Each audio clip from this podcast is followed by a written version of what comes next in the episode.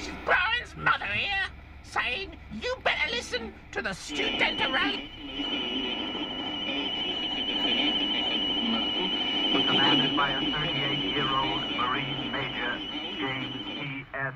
Devereux. They sank one Japanese light cruiser and three destroyers.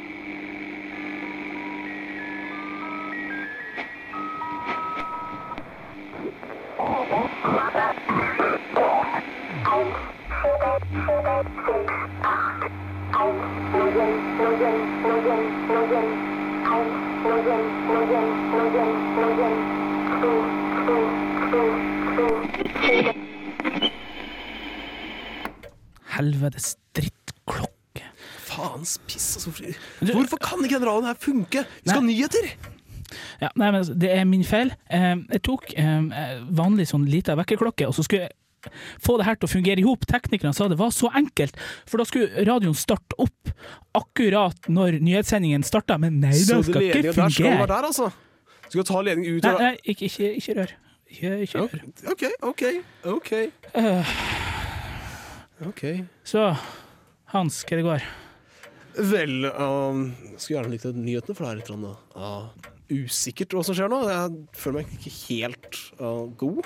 Ja, nei, det er ikke lett nå med krig og greier som starter opp igjen. Altså, jeg tenkte, det, det er bare to år siden det her, den her store verdenskrigen var, og nå skal de begynne igjen. Det er så Hvem i helvete er det som starter? Vi skal ha en avis, Trond. Vi skulle ha en avis. ja. Men uh, sånn går det når vi bruker opp alle pengene på bøker. Det er ikke min feil. Nei, det er ikke det. Jeg vil heller ha ei god bok enn ei skikkelig dårlig avis. Det er det vi Og- har nå for. La oss nå være helt ærlige. Aviser er dårlig. Ja, faen heller, altså. Det er forbanna dritt. Det, altså, men det, når jeg hører på min far, når han forteller om avisen som var da på overgangen til 1900-tallet, så jeg, jeg får så lyst til å dra tilbake i sånn ordentlige aviser med ordentlig innhold. Ikke sant? Så, Fy for meg, altså. ja. Nei, men eh, OK, du Faen, få den radioen til å funke, altså. Får se her um, Hallo? Tror du, tror, du, tror du de hører oss? Uh, si det. Ja. Nei, ok, eh, Hvis du hører oss, så hører du på Radio Revolt, og programmet er Horror Night. Men vi er ikke helt sikre, for at de driver så klart og kriger akkurat nå for tida. det så- er- ja. Vi vet ikke om utstyret vårt står, vet ikke om senderen er der, vi vet ikke Vi vet ingenting! De skulle ikke, jeg skjønner ikke hvorfor de måtte skyte teknikeren vår. Faen heller, altså. Øh, Ja, men, Jævla tyskere. ja. men altså, han er død nå. Ja. han, var et, han var et trivelig menneske, tekniker. Nei, det var han heller ikke. Han var en kuk. Han var en skikkelig ubehagelig fyr. Uff, ja. Jeg tenker, egentlig hadde koselig å tenke på at vi ikke trenger å bry oss med han lenger. Ja, jeg syns egentlig det er veldig greit. Da slipper vi det her tullet om internett og podkast og greier. Ja, Men uh, det minner meg faktisk på en ting. Uh, Sigmund Freud. Ja, han hadde noe Ja, Mye bra eh, ideer ja om uh, det er jo en fremtidens mann, det. Ja, han døde jo like før forrige krig. Ja, det er kanskje, kanskje- greit for han. ja, han var jo av, jo- eh, han var jo av jødisk avstamning, så Ja, det er så greit at han døde før krigen. Altså. ja, det var det. Han hadde jo sine tanker om den slags ting også, han da. Krig, Ja. død og sånt noe. Oh, yes, han eh, skrev en uh, kort uh, bok, jeg vet ikke, en bok under 300 sider er liksom ikke ei bok. Nei, men, ja, tekst. en tekst som heter 'Reflections on War and Death'. Og jeg har leta fram en liten snutt som handler om akkurat den dødsdelen, da. Så vi kan jo ta, så, eh, ta og høre den. Så du? Ja, vi prøver det. Reflections on War and Death by Sigmund Freud. Our attitude towards death. It remains for us to consider the second factor of which I have already spoken, which accounts for our feeling of strangeness in a world which used to seem so beautiful and familiar to us. I refer to the disturbance in our former attitude towards death. Our attitude had not been a sincere one. To listen to us, we were, of course, prepared to maintain that death is the necessary termination of life, that every one of us owes nature his death, and must be prepared to pay his debt. In short, that death was natural, undeniable, and inevitable. In practice, we were accustomed to act as if matters were quite different. we have shown an unmistakable tendency to put death aside, to eliminate it from life. We have attempted to hush it up. In fact, we have the proverb to think of something as of death. Of course, we meant our own death. We cannot indeed imagine our own death. Whenever we try to do so, we find that we survive ourselves as spectators. The school of psychoanalysis could thus assert that, at bottom, no one believes in his own death, which amounts to saying, in the unconscious, every one of us is convinced of his immortality. As far as the death of another person is concerned, every man of culture will studiously avoid mentioning this possibility in the presence of the person in question. Only children ignore this restraint. They boldly threaten each other with the possibility of death, and are quite capable of giving expression to the thought of death in relation to the persons they love. As, for instance, Dear Mamma, when unfortunately you are dead, I shall do so and so. The civilized adult also likes to avoid entertaining the thought of another's death, lest he seem harsh or unkind, unless his profession as a physician or a lawyer brings up the question. Least of all would he permit himself to think of somebody's death if this event is connected with a gain of freedom, wealth, or position. Death is, of course, not deferred through our sensitiveness on the subject and when it occurs we are always deeply affected, as if our expectations had been shattered. We regularly lay stress upon the unexpected causes of death. We speak of the accident, the infection, or advanced age, and thus betray our endeavor to debase death from a necessity to an accident. A large number of deaths seems unspeakably dreadful to us we assume a special attitude towards the dead, something almost like admiration for one who has accomplished a very difficult feat. We suspend criticism of him, overlooking whatever wrongs he may have done, and issue the command, De mortuis nil nisi bene. We act as if we were justified in singing his praises at the funeral oration, and inscribe only what is to his advantage on the tombstone. This consideration for the dead, which he really no longer needs, is more important to us than the truth, and to most of us certainly it is more important than consideration for the living. This conventional attitude of civilized people towards death is made still more striking by our complete collapse at the death of a person closely related to us such as a parent, a wife or husband, a brother or sister, a child, or a dear friend. We bury our hopes, our wishes, and our desires with the dead. We are inconsolable and refuse to replace our loss. We act in this case as if we belonged to the tribe of the Asra, who also die when those whom they love perish. But this attitude of ours towards death exerts a powerful influence upon our lives. Life becomes impoverished and loses its interest when life itself, the highest stake in the game of living, must not be risked. It becomes as hollow and empty as an American flirtation in which it is understood from the beginning that nothing is to happen, in contrast to a continental love affair in which both partners must always bear in mind the serious consequences. Our emotional ties, the unbearable intensity of our grief, make us disinclined to court dangers for ourselves and those belonging to us. We do not dare to contemplate a number of undertakings that are dangerous, but really indispensable, such as aeroplane flights, expeditions to distant countries, and experiments with explosive substances. We are paralyzed by the thought of who is to replace the son to his mother, the husband to his wife, or the father to his children, should an accident occur. A number of other renunciations and exclusions result from this tendency to rule out death from the calculations of life.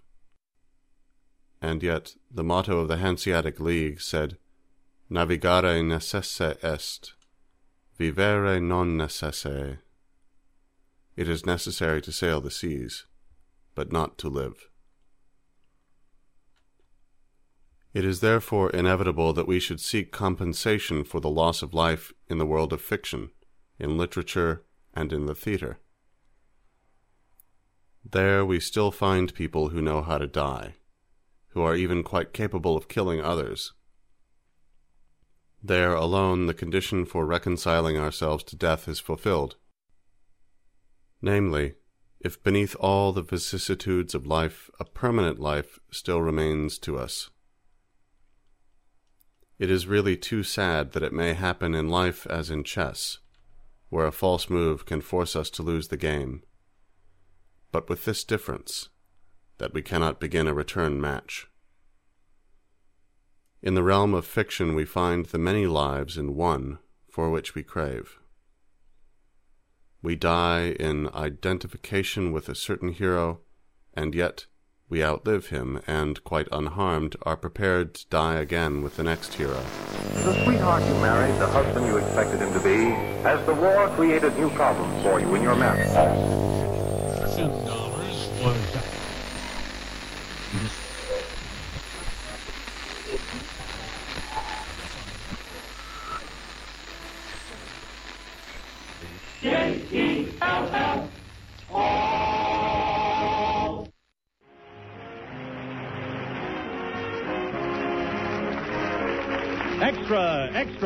good news. The makers of Jello have discovered a way to give you rich, luscious chocolate pudding far more easily and far more economically than ever before.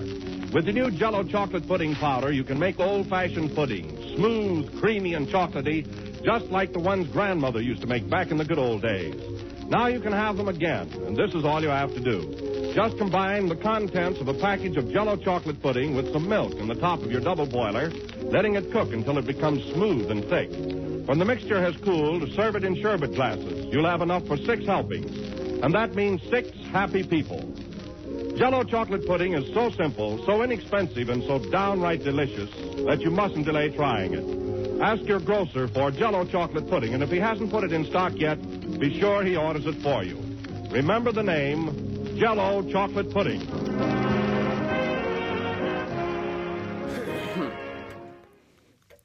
Ja, selv om krigen bryter løs, så får han i hvert fall sjokoladepudding. Det er jo noe, tror jeg. Ja, det er veldig bra, det. Altså. det men hva du syns du om han Freud? Jo, han har ganske mye å komme med. Han er litt grann for nærme på til at jeg egentlig klarer å helt relatere meg til det, men uh, Ja, nei, det, det er noe du ser det. Når, når på en måte døden står på de ytterdører, så, har vi, så er det vanskelig å se på det på en veldig objektiv måte. ja, da leter man jævlig fort etter bakdøra. Å yes, det gjør man definitivt. Det er Eh, Faen er det der for noe? Veldig svakt. Ja, ja, nei, Sikkert ingenting. nei, sikkert ingenting. Sikkert Nei. ingenting. Nei, som du sa, du vil lete etter uh, bakdøra for å komme deg vekk, og ikke å se på hvordan. Fy faen. Eh, Kanskje Har du ordnet med ennå? nå? Jeg har ordna bomberom, vet du. Det er til og med mat der. Skal vi skal, jeg, tror vi er, jeg tror vi er nødt til å komme oss ned i Komme oss ned. Det, det er nede i kjelleren her. Kom, så skal vi Skal vi se her. Faen, det er kaldt her. Å, nå, nå, det kommer Det kommer alarmene. Det er tydeligvis ikke noe kødd, det her. Skal vi se om jeg finner nøklene mine her Ja, finn nøklene, finn nøklene. det, Ja. Se. Se, det er god dør, det her. Se om lyset funker.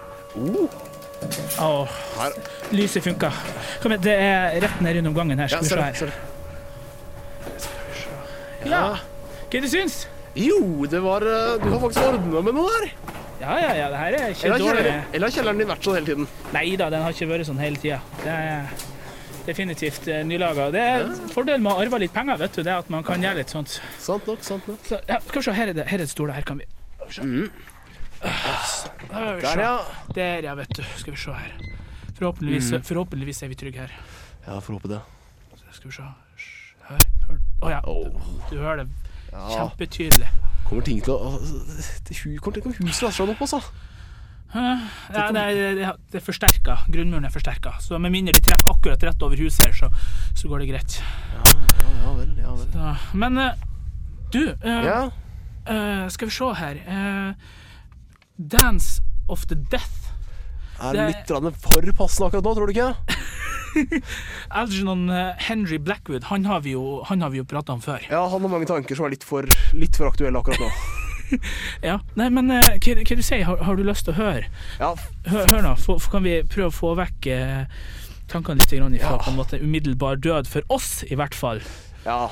Ja, nei, men jeg, jeg tror vi gjør det, du. The Dance of Death by Algernon Blackwood.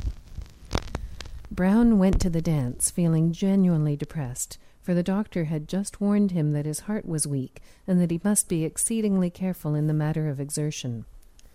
Dancing? he asked, with that assumed lightness some natures affect in the face of a severe shock, the plucky instinct to conceal pain.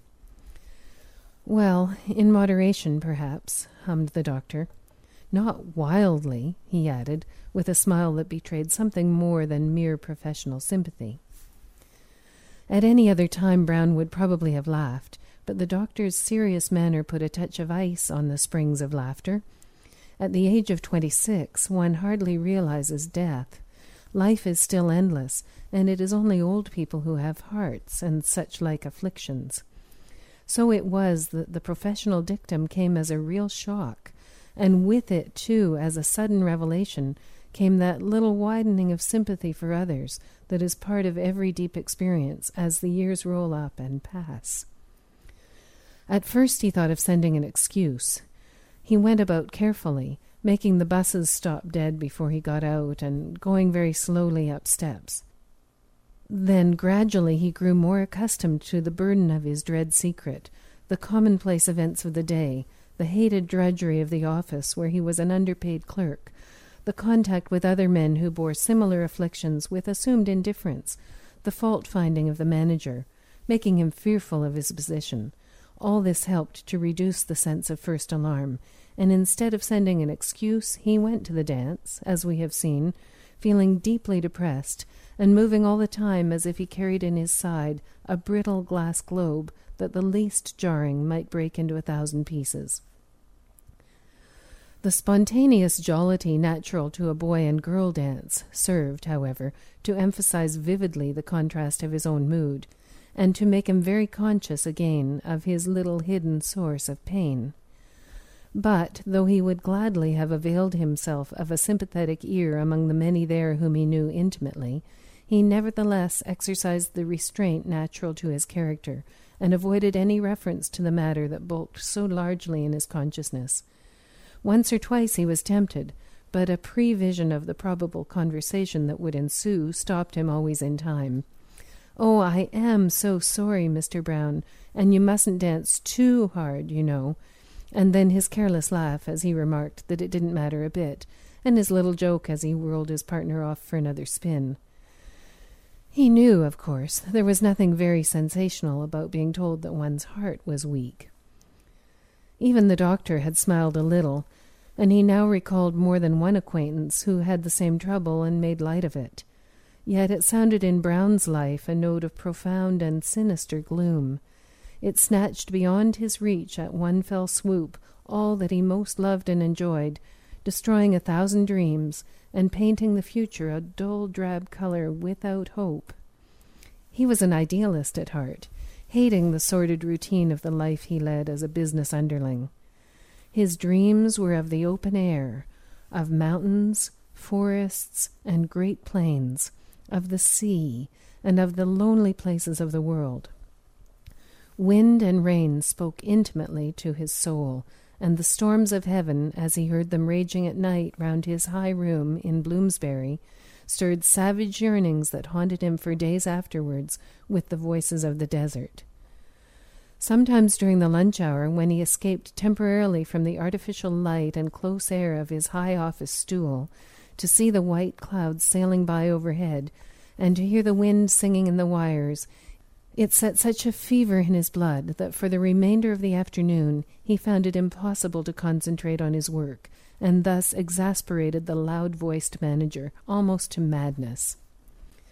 Having no expectations and absolutely no practical business ability, he was fortunate, however, in having a place at all, and the hard fact that promotion was unlikely made him all the more careful to keep his dreams in their place, to do his work as well as possible, and to save what little he could.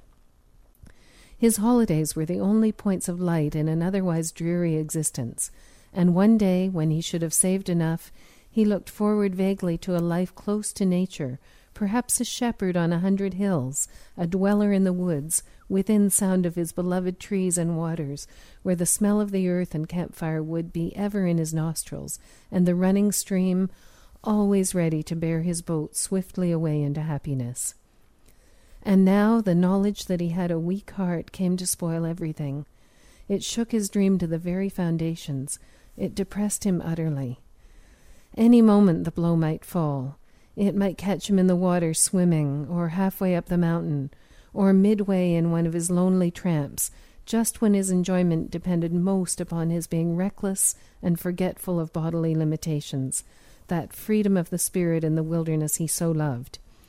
He might even be forced to spend his holiday, to say nothing of the dream of the far future, in some farmhouse, quietly, instead of gloriously in the untrodden wilds. The thought made him angry with pain. All day he was haunted and dismayed, and all day he heard the wind whispering among branches, and the water lapping somewhere against sandy banks in the sun. The dance was a small subscription affair, hastily arranged and happily informal. It took place in a large hall that was used in the daytime as a gymnasium, but the floor was good and the music more than good. Foils and helmets hung round the walls, and high up under the brown rafters were ropes, rings, and trapezes coiled away out of reach, their unsightliness further concealed by an array of brightly colored flags. Only the light was not of the best, for the hall was very long, and the gallery at the end loomed in a sort of twilight that was further deepened by the shadows of the flags overhead. But its benches afforded excellent sitting out places, where strong light was not always an essential to happiness, and no one dreamed of finding fault. At first he danced cautiously, but by degrees the spirit of the time and place relieved his depression and helped him to forget. He had probably exaggerated the importance of his malady. Lots of other fellows, even as young as he was, had weak hearts and thought nothing of it. All the time, however, there was an undercurrent of sadness and disappointment not to be denied. Something had gone out of life. A note of darkness had crept in. He found his partners dull, and they no doubt found him still duller. Yet this dance, with nothing apparently to distinguish it from a hundred others, stood out in all his experience with an indelible red mark against it. It is a common trick of nature, and a profoundly significant one, that just when despair is deepest, she waves a wand before the weary eyes and does her best to waken an impossible hope. Her idea, presumably, being to keep her victim going actively to the very end of the chapter, lest through indifference he should lose something of the lesson she wishes to teach. Thus it was that midway in the dance, Brown's listless glance fell upon a certain girl whose appearance instantly galvanized him into a state of keenest possible desire. A flash of white light entered his heart and set him all on fire to know her. She attracted him tremendously. She was dressed in pale green and always danced with the same man, a man about his own height and coloring, whose face, however, he never could properly see. They sat out together much of the time, always in the gallery where the shadows were deepest. The girl's face he saw clearly, and there was something about her that simply lifted him bodily out of himself and sent strange thrills of delight coursing over him like shocks of electricity. Several times their eyes met, and when this happened, he could not tear his glance away. She fascinated him, and all the forces in his being merged into a single desire to be with her, to dance with her, speak with her, and to know her name. Especially he wondered who the man was she so favored. He reminded him so oddly of himself. No one knows precisely what he himself looks like, but this tall, dark figure, whose face he could never contrive to see, started the strange thought in him that it was his own double. In vain he sought to compass an introduction to this girl. No one seemed to know her. Her dress, her hair, and a certain wondrous slim grace made him think of a young tree waving in the wind, of ivy leaves, of something that belonged to the life of the woods rather than to ordinary humanity. She possessed him, filling his thoughts with wild woodland dreams. Once, too, he was certain when their eyes met that she smiled at him, and the call was so well nigh irresistible that he almost dropped his partner's arm to run after her. But it seemed impossible to obtain an introduction from anyone. Do you know who that girl is over there? He asked one of his partners while sitting out a square dance, half exhausted with his exertions. The one up there in the gallery? In pink? No, the one in green, I mean. Oh, next the wallflower lady in red? In the gallery, not under it, he explained impatiently. I can't see up there. It's so dark, returned the girl after a careful survey through glasses. I don't think I see anyone at all. It is rather dark, he remarked. Why, do you know who she is? she asked foolishly. He did not like to insist. It seemed so rude to his partner. But this sort of thing happened once or twice. Evidently no one knew this girl in green, or else he described her so inaccurately that the people he asked looked at someone else instead. In that green sort of ivy looking dress, he tried another with the rose in her hair and the red nose, or the one sitting out? After that, he gave it up, finally. His partners seemed to sniff a little when he asked. Evidently, La Désirée was not a popular maiden. Soon after, too, she disappeared and he lost sight of her. Yet the thought that she might have gone home made his heart sink into a sort of horrible blackness. He lingered on much later than he intended, in the hope of getting an introduction, but at last, when he had filled all his engagements, or nearly all, he made up his mind to slip out and go home. It was already late, and he had to be in the office, that hateful office, punctually at nine o'clock. He felt tired, awfully tired, more so than ever before at a dance. It was, of course, his weak heart. He still dawdled a little while, however, hoping for another glimpse of the sylph in green, hungering for a last look that he could carry home with him and perhaps mingle with his dreams. The mere thought of her filled him with pain and joy, and a sort of rarefied delight he had never known before. But he could not wait forever, and it was already close upon two o'clock in the morning. His rooms were only a short distance down the street. He would light a cigarette and stroll home. No, he had forgotten for a moment. Without a cigarette, the doctor had been very stern on that point. He was in the act of turning his back on the whirl of dancing figures when the flags at the far end of the room parted for an instant in the moving air, and his eye rested upon the gallery just visible among the shadows. A great pain ran swiftly through his heart as he looked. There were only two figures seated there the tall dark man, who was his double, and the ivy girl in green. She was looking straight at him down the length of the room, and even at that distance he could see that she smiled. He stopped short.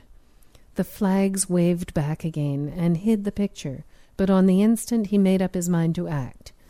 There, among all this dreary crowd of dancing dolls, was someone he really wanted to know, to speak with, to touch, someone who drew him beyond all he had ever known and made his soul cry aloud. The room was filled with automatic lay figures, but here was someone alive. He must know her. It was impossible to go home without speech, utterly impossible. A fresh stab of pain, worse than the first, gave him momentary pause. He leaned against the wall for an instant, just under the clock, where the hands pointed to two, waiting for the swooning blackness to go. Then he passed on, disregarding it utterly, it supplied him, in truth, with the extra little impetus he needed to set the will into vigorous action. for it reminded him forcibly of what might happen. His time might be short. He had known few enough of the good things of life. He would seize what he could. He had no introduction, but to the devil with the conventions. The risk was nothing. To meet her eyes at close quarters, to hear her voice, to know something of the perfume of that hair and dress, what was the risk of a snub compared to that? He slid down the side of the long room, dodging the dancers as best he could. The tall man, he noted, had left the gallery, but the girl sat on alone. He made his way quickly up the wooden steps, light as air, trembling with anticipation. His heart beat like a quick padded hammer, and the blood played a tambourine in his ears. It was odd he did not meet the tall man on the stairs, but doubtless there was another exit from the gallery that he had not observed. He topped the stairs and turned the corner. By Jove, she was still there, a few feet in front of him, sitting with her arms upon the railing, peering down upon the dancers below. His eyes swam for a moment, and something clutched at the very roots of his being. But he did not hesitate. He went up quite close past the empty seats, meaning to ask naturally and simply if he might beg for the pleasure of a dance. Then, when he was within a few feet of her side, the girl suddenly turned and faced him, and the words died away on his lips. They seemed absolutely foolish and inadequate. Yes, I am ready, she said quietly, looking straight into his eyes. But what a long time you were in coming. Was it such a great effort to leave? The form of the question struck him as odd, but he was too happy to pause. He became transfigured with joy. The sound of her voice instantly drowned all the clatter of the ballroom, and seemed to him the only thing in the whole world. It did not break on the consonants like most human speech. It flowed smoothly. It was the sound of wind among branches, of water running over pebbles. It swept into him and caught him away, so that for a moment he saw his beloved woods and hills and seas. The stars were somewhere in it too, and the murmur of the plains. By the gods! Here was a girl he could speak with in the words of silence. She stretched every string in his soul and then played on them. His spirit expanded with life and happiness. She would listen gladly to all that concerned him. To her he could talk openly about his poor broken heart, for she would sympathize.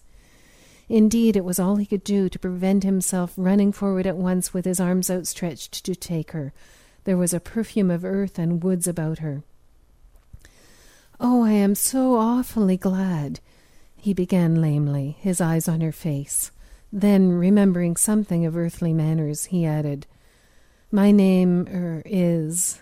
Something unusual, something indescribable in her gesture stopped him. She had moved to give him space at her side. Your name? she laughed, drawing her green skirts with a soft rustle like leaves along the bench to make room. But you need no name now, you know. Oh, the wonder of it! She understood him. He sat down with a feeling that he had been flying in a free wind and was resting among the tops of trees. The room faded out temporarily. But my name, if you like to know, is Isidie, she said, still smiling. Miss Isidie, he stammered, making another attempt at the forms of worldly politeness. Not Miss Isidie, she laughed aloud merrily. It surely was the sound of wind in poplars. Isidie is my first name, so if you call me anything, you must call me that. The name was pure music in his ears, but though he blundered about in his memory to find his own, it had utterly vanished. For the life of him, he could not recollect what his friends called him. He stared a moment, vaguely wondering, almost beside himself with delight. No other girls he had known. Ye heavens above, there were no longer any other girls. He had never known any other girl than this one. Here was his universe, framed in a green dress, with a voice of sea and wind, eyes like the sun, and movements of bending grasses. All else was mere shadow and fantasy. For the first time in his existence, he was alive and knew that he was alive. I was sure you would come to me, she was saying. You couldn't help yourself. Her eyes were always on his face. I was afraid at first, but your thoughts, she interrupted softly, your thoughts were up here with me all the time. You knew that, he cried, delighted. I felt them, she replied simply. They, you, kept me company, for I have been alone here all the evening. I know no one else here yet. Her words amazed him. He was just going to ask who the tall, dark man was when he saw that she was rising to her feet and that she wanted to dance. But my heart, he stammered. It won't hurt your poor heart to dance with me, you know, she laughed. You may trust me. I shall know how to take care of it. Brown felt simply ecstatic. It was too wonderful to be true. It was impossible. This meeting in London, at an ordinary dull dance in the twentieth century, he would wake up presently from a dream of silver and gold.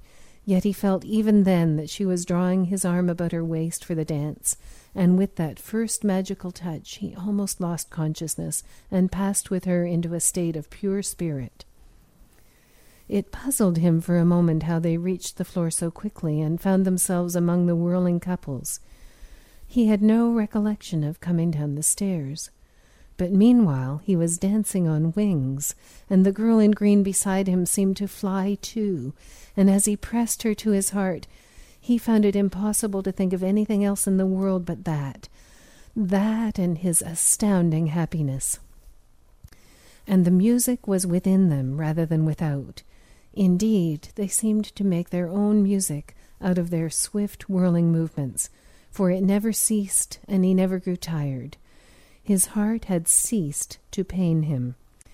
Other curious things happened too, but he hardly noticed them, or rather, they no longer seemed strange. In that crowded ballroom, they never once touched other people. His partner required no steering. She made no sound. Then suddenly he realized that his own feet made no sound either. They skimmed the floor with noiseless feet like spirits dancing. No one else appeared to take the least notice of them. Most of the faces seemed, indeed, strange to him now, as though he had not seen them before, but once or twice he could have sworn that he passed couples who were dancing almost as happily and lightly as themselves, couples he had known in past years, couples who were dead.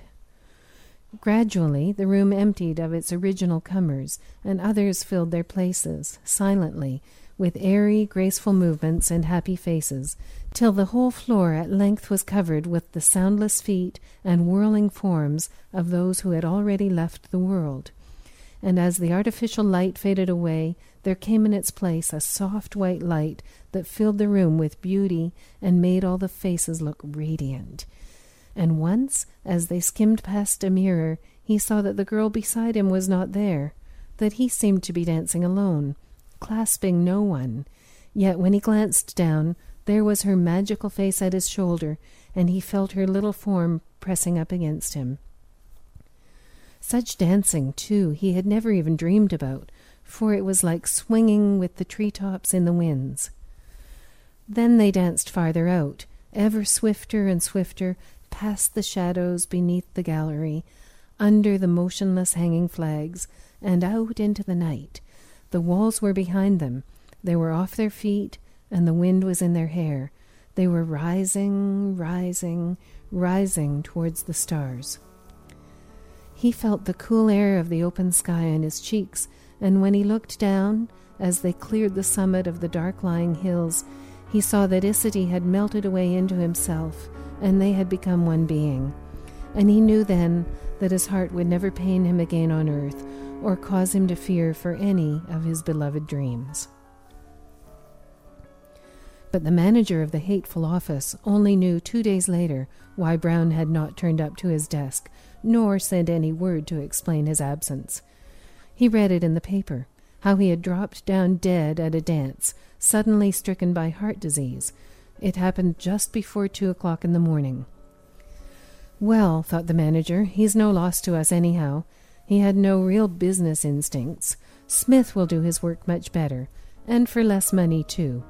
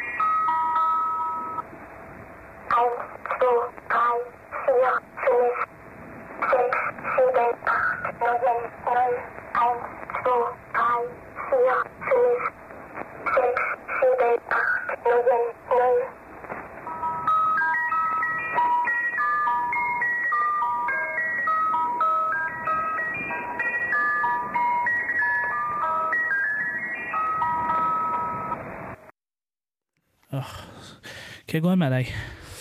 Ja, litt uh, dårlig hår det der, egentlig. Du tenker på det vi hørte på nå nettopp? Ja, jeg må vel, jeg må vel være enig. Eh, Hvis jeg kunne velge eh, måte å dø på, så, så, så tror jeg ganske sikkert at jeg vil velge å heller dø på den dansen enn å dø her i lag med deg. Oi. Takk. Ja, Åh, nå begynner det på'n igjen. du har egentlig rett i det, altså. Men uh, du er veldig, det, er, det er veldig trivelig å ha deg her, da. Det, det, er bedre, det er bedre enn om jeg hadde vært her helt alene. Jo, det skal med på. Det skal med på. Så, nei, men det stykket vi hørte i stad, var kanskje ikke verdens beste horror. Nei, kanskje ikke. Kanskje ikke mye horror, egentlig. Nei. Men, det, men, men det, det er jo det her med hva som skjer når man dør. Den er jo, Mm. Det er jo noe vi alle mennesker fantaserer om, prøver å tenke seg til. Og det blir jo sånn som Freud sier, at det er, det er umulig for oss å forstå, fordi at vi, vi klarer ikke å tenke oss til en rolle hvor at altså Vi tenker oss alltid til en observatørrolle eh, når vi tenker på vår mm. egen død. Litt som å sovne inn, er det noen som sier dette her. Og Så kan man lure på om det er noen, som, noen andre igjen som sier at det er, vil være som å våkne opp Ja. fra en drøm. Det kan være både òg. Eh, vi skal gå over til et annet lite stykke som jeg har gjort klart her. Ja. Det er Henry Ja, René. Albert Gudi Mat- Matus Pat- Matusapavant. Det må passe. Ah, der har du det, vet du. Uh, fyr. Uh, franskmann. Ja, han som døde som 42-åring, var det ikke? Ja, Uh, 1893, så det begynner å bli en stund siden. Um, han skrev en del bra greier, blant annet så Lovecraft tok eh, inspirasjonen til, eh, til Call of Cthulhu, antageligvis ifra han fyren her, da. Mm. Ja, og han hadde også en liten interessant greie på livet og den slags ting. Ja. I have coveted everything and taken pleasure in nothing. Det høres ut som en uh, Likandes fyr. Likandes fyr, definitivt. Men uh, skal vi ta og høre han? Jo, vi får eh, kanskje gjøre det. Ja, det er så, så sagt våre venner hos Libervox som har laga det her. Bare håper at de overlever det her. Ja, faen. Skal vi se. Ja. Da kommer da stykket uh, Was It A Dream? Was It a Dream by Guy de Maupassant. I had loved her madly. Why does one love? Why does one love? How queer it is to see only one being in the world, to have only one thought in one's mind, only one desire in the heart, and only one name on the lips, a name which comes up continually, rising like the water in a spring, from the depths of the soul to the lips, a name which one repeats over and over again, which one whispers ceaselessly everywhere like a prayer. I am going to tell you our story, for love only has one, which is always the same. I met her and loved her, that is all. And for a whole year I have lived on her tenderness, on her caresses, in her arms, in her dresses, on her words, so completely wrapped up, bound, and absorbed in everything which came from her, that I no longer cared whether it was day or night, or whether I was dead or alive, on this old earth of ours. And then she died. How? I do not know. I no longer know anything. But one evening she came home wet, for it was raining heavily, and the next day she coughed, and she coughed for about a week, and took to her bed. What happened I do not remember now, but doctors came, wrote, and went away. Medicines were brought, and some women made her drink them. Her hands were hot, her forehead was burning, and her eyes bright and sad. When I spoke to her, she answered me, but I do not remember what we said. I have forgotten everything, everything, everything. She died, and I very well remember her slight, feeble sigh. The nurse said, Ah, and I understood, I understood. I knew nothing more, nothing. I saw a priest who said, Your mistress? And it seemed to me as if he were insulting her. As she was dead, nobody had the right to say that any longer, and I turned him out. Another came who was very kind and tender, and I shed tears when he spoke to me about her. They consulted me about the funeral, but I do not remember anything that they said, though I recollected the coffin and the sound of the hammer when they nailed her down in it. Oh God, God. She was buried, buried, she in that hole. Some people came, female friends. I made my escape and ran away. I ran and then walked through the streets, went home, and the next day started on a journey. Yesterday I returned to Paris, and when I saw my room again, our room, our bed, our furniture, everything that remains of the life of a human being after death, I was seized by such a violent attack of fresh grief that I felt like opening the window and throwing myself out into the street. I could not remain any longer among these things, between these walls which had enclosed and sheltered her, which retained a thousand atoms of her, of her skin and of her breath, in their imperceptible crevices. I took up my hat to make my escape, and just as I reached the door I passed the large glass in the hall, which she had put there so that she might look at herself every day from head to foot, as she went out, to see if her toilette looked well and was correct and pretty, from her little boots to her bonnet. I stopped short in front of that looking glass in which she had so often been reflected, so often, so often, that it must have retained her reflection. I was standing there, trembling, with my eyes fixed on the glass, on that flat, profound, empty glass which had contained her entirely, and had possessed her as much as I, as my passionate looks had. I felt as if I loved that glass. I touched it. It was cold. Oh, the recollection! Sorrowful mirror, burning mirror, horrible mirror, to make men suffer such torments. Happy is the man whose heart forgets everything that it has contained, everything that has passed before it, everything that has looked at itself in it, or has been reflected in its affection, in its love. How I suffer! I went out without knowing it, without wishing it, and toward the cemetery. I found her simple grave, a white marble cross, with these few words She loved, was loved, and died. She is there below, decayed. How horrible! I sobbed with my forehead on the ground, and I stopped there for a long time, a long time. Then I saw that it was getting dark, and a strange, mad wish, the wish of a despairing lover, seized me. I wished to pass the night, the last night, in weeping on her grave. But I should be seen and driven out. How was I to manage? I was cunning and got up and began to roam about in that city of the dead. I walked and walked. How small this city is in comparison with the other, the city in which we live. And yet, how much more numerous the dead are than the living. We want high houses, wide streets, and much room for the four generations who see the daylight at the same time, drink water from the spring and wine from the vines, and eat bread from the plains. And for all the generations of the dead, for all that ladder of humanity that has descended down to us, there is scarcely anything, scarcely anything. The earth takes them back, and oblivion effaces them.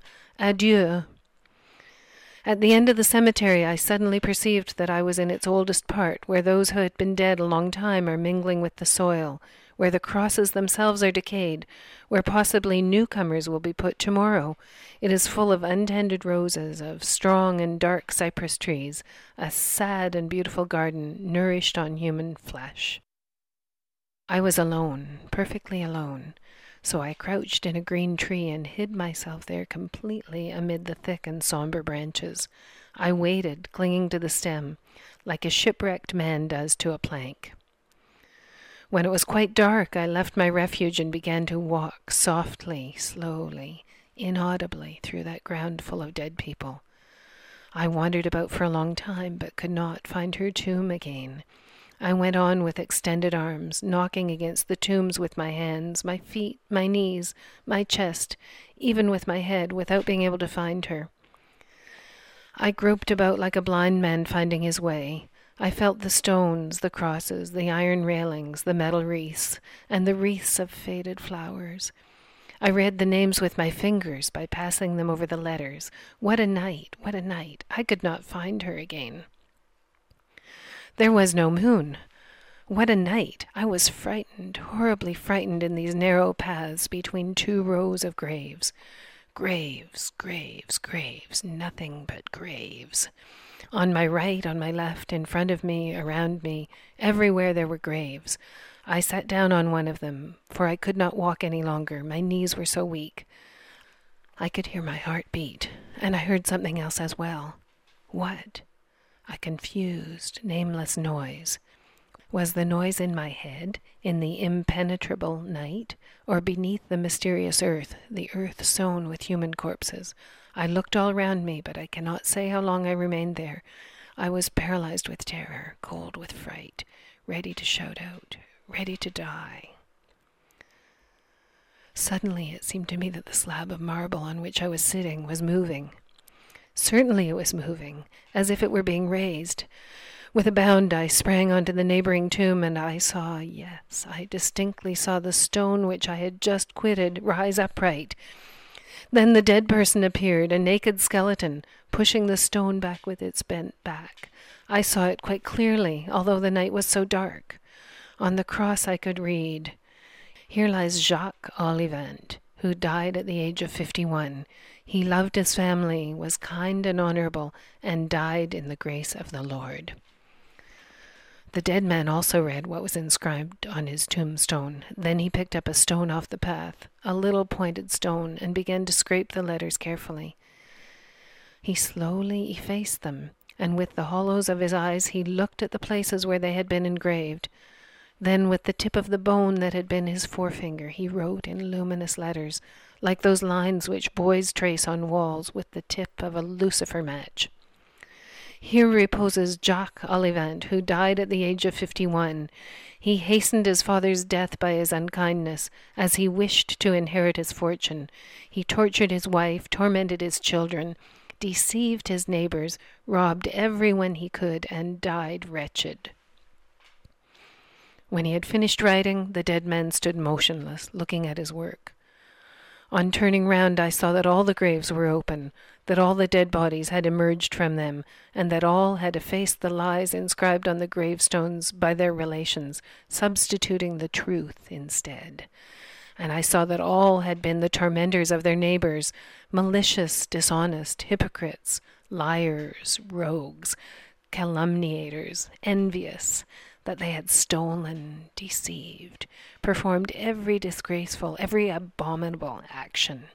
These good fathers, these faithful wives, these devoted sons, these chaste daughters, these honest tradesmen, these men and women who were called irreproachable, they were all writing at the same time on the threshold of their eternal abode the truth, the terrible and the holy truth of which everybody was ignorant, or pretended to be ignorant, while they were alive.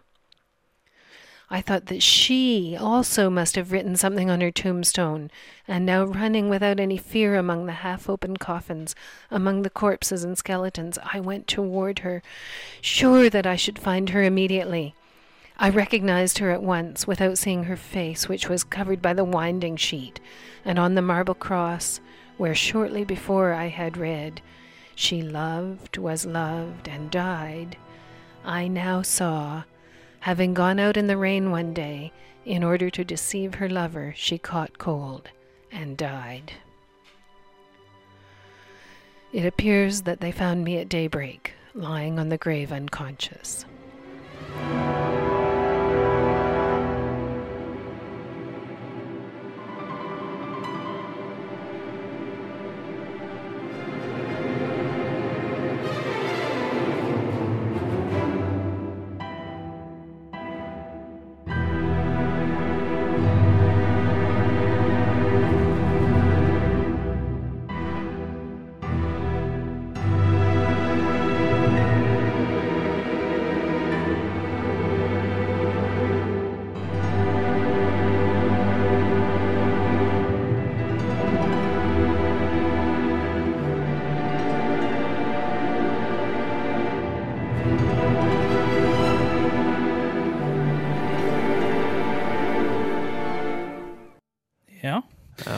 Skal det liksom hjelpe på humøret her, Trond?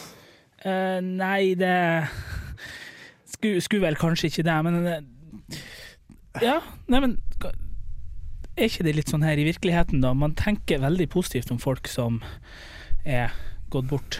Ja, jo, man gjør jo for så vidt det. Altså, det er blåser opp hendelsene de har gjort, og ja, jo, jo, det er jo for så vidt ganske sant, da.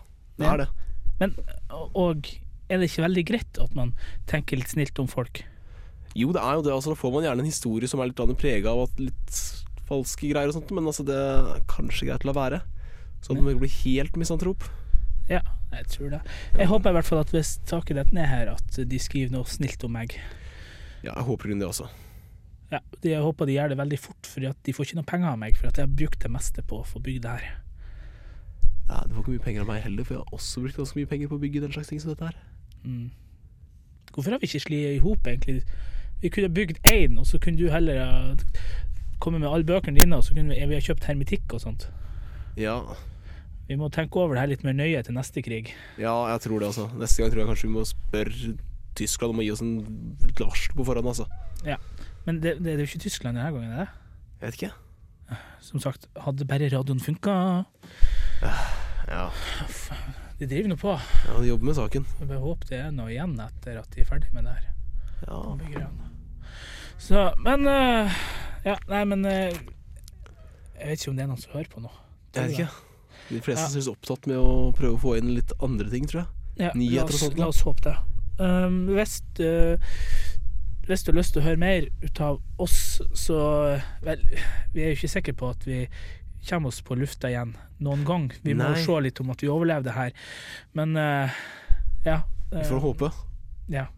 Er, så vi får prøve å komme igjen til neste vår, eller noe sånt. Eh, Sett at radiout- alt utstyret vårt står og vi overlever alt sammen. Så Ja. når, eh, når våren kommer, når, når januar begynner, Ja, så, det er så prøv. vår, det, da. Ja, Når det blir bikkjekaldt. ja, ja, men Det eh, det kommer til å være varmt nå hvis dere hører på oss, vet du. Ja. ja. Dere kan høre på banen og late som å snakke sant. Ja, kan gjøre det. Dere får ha god kveld, så skal vi Og lykke til Kanskje vi skal ta og få fyrt opp noe her? Det Jo. begynner å bli kaldt. Har du okay. ovn. Ja da, ja, den hjørnet her er bare svær. Skal vi ta? Oh. Dere får ha god kveld, folkens. God kveld.